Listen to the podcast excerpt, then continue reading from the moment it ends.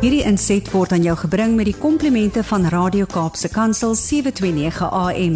Besoek ons gerus by www.cape pulpit.co.za.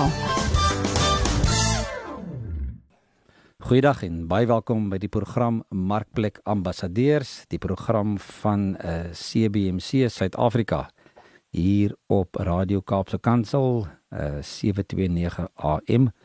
En dis vir my 'n voorreg om weer te gesels vandag met met ons ehm um, luisteraars en met 'n gas oor belangrike beginsels.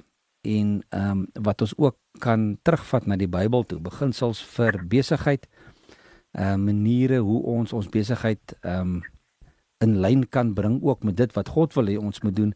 Want uiteindelik is dit wat ons doelwit ook is by CBC en dit is om besigheidseienaars te help om hulle besighede in te rig volgens Bybelse beginsels. En 'n man wat baie interessante boek geskryf het en wat um, aanbiedings doen en seminare aanbied rondom hierdie uh, onderwerp is uh, Dr. Gustaf Put. Ons het hom al 'n klompie, ek wil amper sê maande gelede al met hom begin gesels, al van verlede jaar af. En Gustaf het 'n paar boeke geskryf, maar ons gesels 'n bietjie in diepte oor sy boek Kingdom Leadership for Organizational Leaders. En dis sulke interessante goed wat hierin uitkom en elke keer wat wat vir my mooi is, hy vat elke keer dit terug na Bybelse beginsels toe. En en hoe kan ons wat kan ons uit die woord van die Here uit leer wanneer dit kom rondom ehm um, beginsels en riglyne ook hoe ek my besigheid moet moet bedryf. Gustaf, maar voordat ek nou weer te veel sê vandag, ehm um, wil ek net eers vir jou groet en sê baie welkom vandag weer terug by ons. Baie dankie, Adam. Gustaf, ons het nou um, al 'n klompie weke gesels hier rondom jou boek uh, Kingdom Leadership for Organizational Leaders. En die mense wat nou ingeskakel het in die verlede sal nou onthou ons het um, gepraat verlede week bietjie oor oor die beleining of alignment in Engels en dan natuurlik hoe dit wat jy wat jy doen, hoe jou operasionele gedeelte van jou van jou besigheid, ehm um, ehm um, die die aktiewe noem dit nou maar die performance in Engels en die strategie moet moet moet belyn wees hoe dit mekaar moet uh, Engelse praat van overlap van jou strat, strategie en jou en jou uh, performance of dit wat jy uiteindelik doen in jou besigheid want 'n mens kan die pragtigste goed neerskryf maar as dit nie prakties uitgevoer word nie dan beteken dit ook maar niks en dan gaan jou bankbalans ook nie regtig verander nie. So ja. so vandag wil ek gou met jou 'n bietjie praat oor beginsels vir besighede wat hierdie strategiese beleining in plek het. En en jy verwys altyd terug na na mense in die verlede wat baie navorsing gedoen het en wat goed gaan neerskryf het en daar's daar's vandag so 'n paar beginsels wat ek wil hê met ons moet deel rondom hierdie konsep van ehm um, hoe hoe belyn ek uh, om maksimum impak te kry onder andere ehm um, en en hoe pas ek dit toe in my besigheid hierdie beginsel van van beleining om alles uh, om almal op dieselfde bladsy te kry om in dieselfde rigting te werk, amper as waar om al die osse te kry om in dieselfde rigting te trek. Ja. So Gustaf, ons ja. gou 'n bietjie daardeur vat asseblief. Ja, goed. Uh hierdie gedeelte van die boek uh, verwys ek baie na baie bekende en wyd geleese en gebruikte boek van Kaplan en Norton wat hulle in 20 uh, een gepubliseer het en die titel van daai boek was The Strategy Focused Organization. Um, maar hulle het as 'n gedeelte van die boek het hulle uh 'n klompie beginsels wat hulle verwys na as principles of strategy aligned organizations.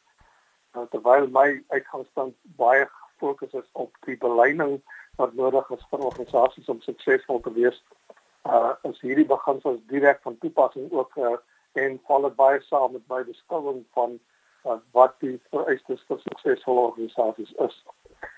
Ek wil net iets sê dat um, die eerste beginsel hierso wat sê translate the strategy into operational terms natuurlik um, moet ons weer net vir 'n oomblik teruggaan na wat ek sê oor uh, die oorsprong van my beskouing van beleining en dit is Jesus wat van sy disippels verwag het toe hy vir hulle gesê het volg my daai Griekse woord beteken uh kom hier na waar ek is maar toe hulle begin volg daai woord volg beteken hulle het op dieselfde lyn of in dieselfde pad as hy gestap So dis die hele uh, beginsel van beleiding is om op dieselfde vervolgelinge en leiers om op dieselfde lyn te stap binne hulle organisasies. Nou goed, uh, as ons nou die eerste beginsel gaan translate the strategy into operational terms, is daar eintlik 'n uh, hierdie ding kan omgeswaai word van twee kante af.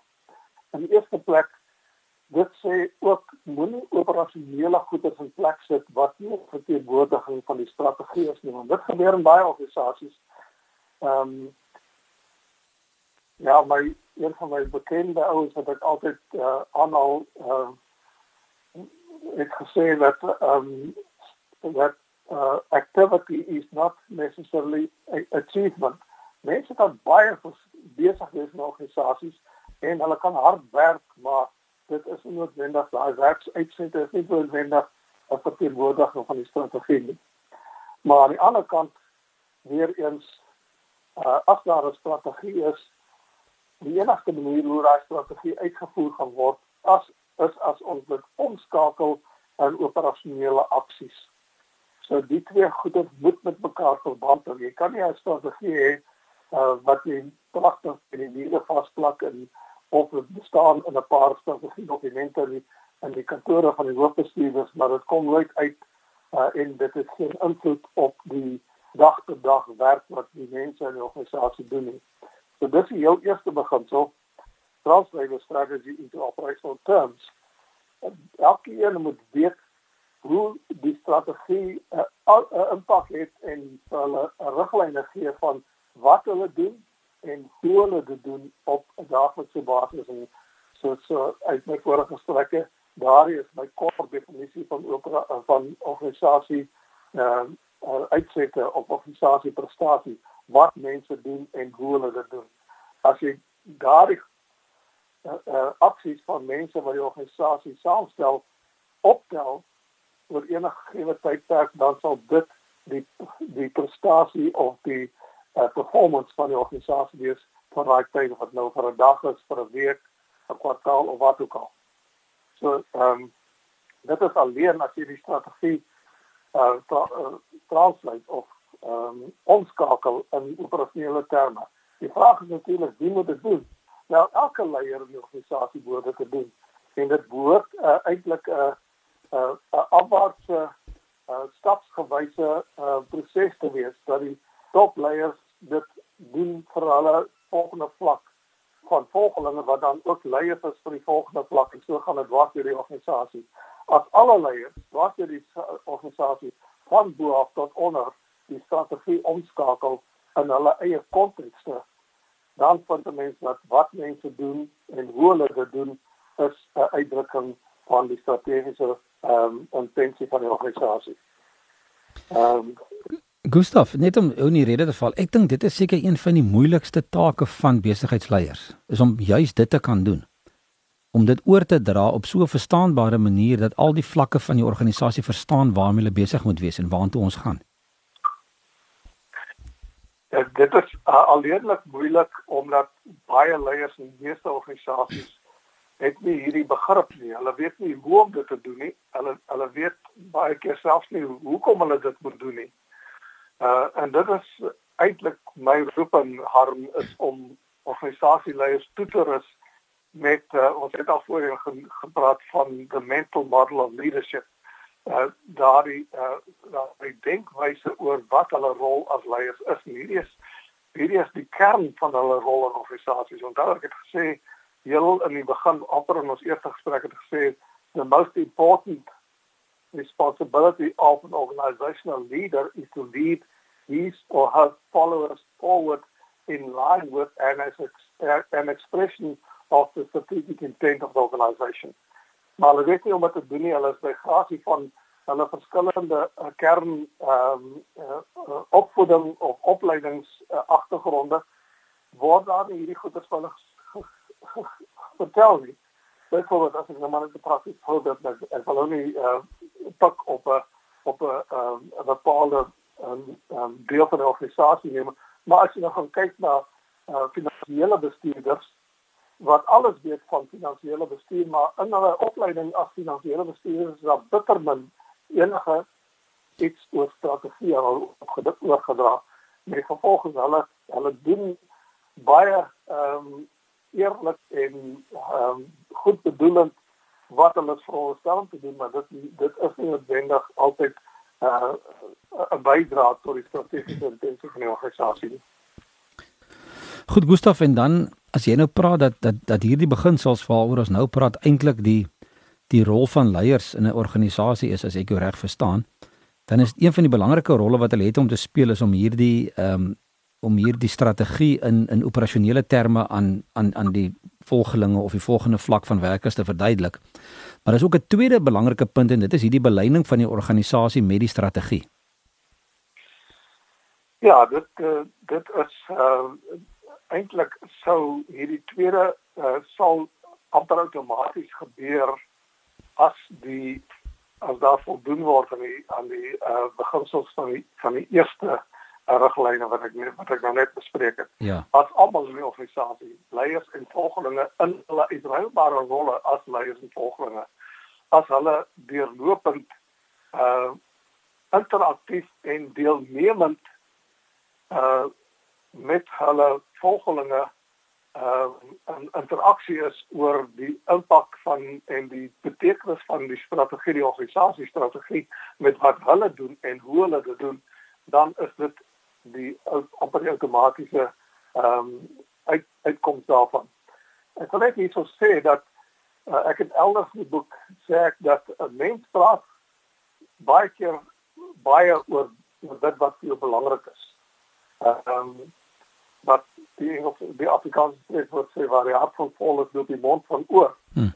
Nou as ons daai beginsel toepas op organisasies dan sê ek uh, in in daai plek in die boek waar ek dit bespreek sê ek as jy my organisasie wys waar daar bitter min strategiese gesprek plaasvind in die organisasie op alle vlakke dan sal ek jou organisasie wys waar die strategie hoe goed hy ook al geformuleer het amper geen impak gaan hê op die organisasie as 'n geheel nie. So terug na om de, om te skakel in hierdie aligning the organization with the strategy. Dit kan alleenlik gebeur as daar deurlopende gesprekke is oor die strategie wat dit vir ons beteken en hoe ons kan bydra. Ek en my volgende hoe ons kan bydra tot die vervulling van die strategiese intensie van die organisasie En en dit sluit aan by die derde ene, die derde beginsel is om hierdie strategie elkeen se werk te maak, né? Elkeen se alledaagse werk en dat dat almal dit heeldag doen. Dit is soos 'n tweede natuur basies. Presies. Dit uh, uh, en dit is iets wat uh, uh in baie organisasies word hier hierdie valse uh veronderstelling amper gelaat of geskep dat moenie julle julle neuse in die strategie steek nie. Dit is ons op in die topbestuurders. Dis ons verantwoordelikheid. Julle moet net doen wat julle gesê word om te doen. Wat 'n tipiese uh voorbeeld is van 'n uh uh um uh overmanaged and underled organisation. Mm. So um wanneer ons hierdie uh mental model wat ek hier uitpak en 'n vorige hoofstuk uitpak as dit uh uh uh, uh vasklap plek gekry het in die organisasie, dan gebeur hierdie amper outomaties want dan is daar 'n besef by elkeen in die organisasie en hulle rol as leiers en volgelinge wat ek weer eens sê is uitruilbaar. Uh dat hulle rol is om die organisasie se strategie elke dag hulle eie te maak en daarvoor verantwoordelikheid te neem. Gustav, net om dit prakties te maak. Ehm um, om om dit nou oor te dra eh, van jou bestuur. Jy, jy, hulle praat hier van die beginsel um moving from the 10 executive leaders to the 10000 om om dit van almal net tot die uitvoerende of die leiers in die besigheid wat te vat tot by elke werker. Is my vraag is dit iets wat wat gebeur op dag 1 wanneer daai persoon by die organisasie begin werk en hy word neergesit en hy het 'n soort van 'n oriëntasie of 'n induksie periode wat vir hom gesê word presies wat van hom verwag gaan word en waar sy werk inpas in die groter geheel?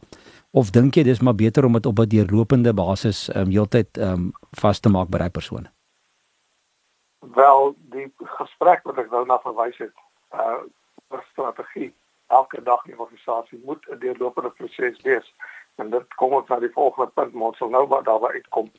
Ehm um, ja, daai 10 to 10000 uh, dit beteken van die topbestuur en dit is nie noodwendig 10000 nie, maar vanaf die topbestuur, die executive leaders na elkeen in die organisasie ongeag hoe groot die organisasie is. As as daar nie deurlopende gesprekke te hou oor is nie, uh en as daar nie deel as gevolg van daai gesprek uh, aktiewe deelname is uh, en uh, en bydra is van elke in die organisasie om die strategiese intensie waar te maak en uit te voer nie, uh, dan kry mens dat ehm um, dit wat ek na voorheen nog verwys het na uh, um, um, die mense van ehm um, ehm um, Hewlett Packard, vooral David Packard wat sê uh wanneer ek gepraat het van bemarking het ek gesê marketing is simply too important to leave it to the marketing department. Maar hmm. dit waar ons het nog nog meer waar vir die strategie. Strategy is simply too important to leave it to the executive directors of the organization. Almal moet nou deelneem, almal moet daar bydra en dis die enigste manier waarop die strategiese prinsipie van 'n organisasie waargemaak kan word.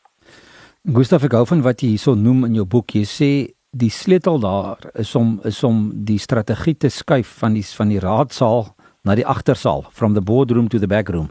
Met ander woorde dit dit, dit dit is nie nou net meer vir hierdie paar wil ek amper sê ringkoppe belangrike mense wat dit weet nie, maar almal in die organisasie kan nou deel daarin en hulle weet presies wat van hulle verwag word.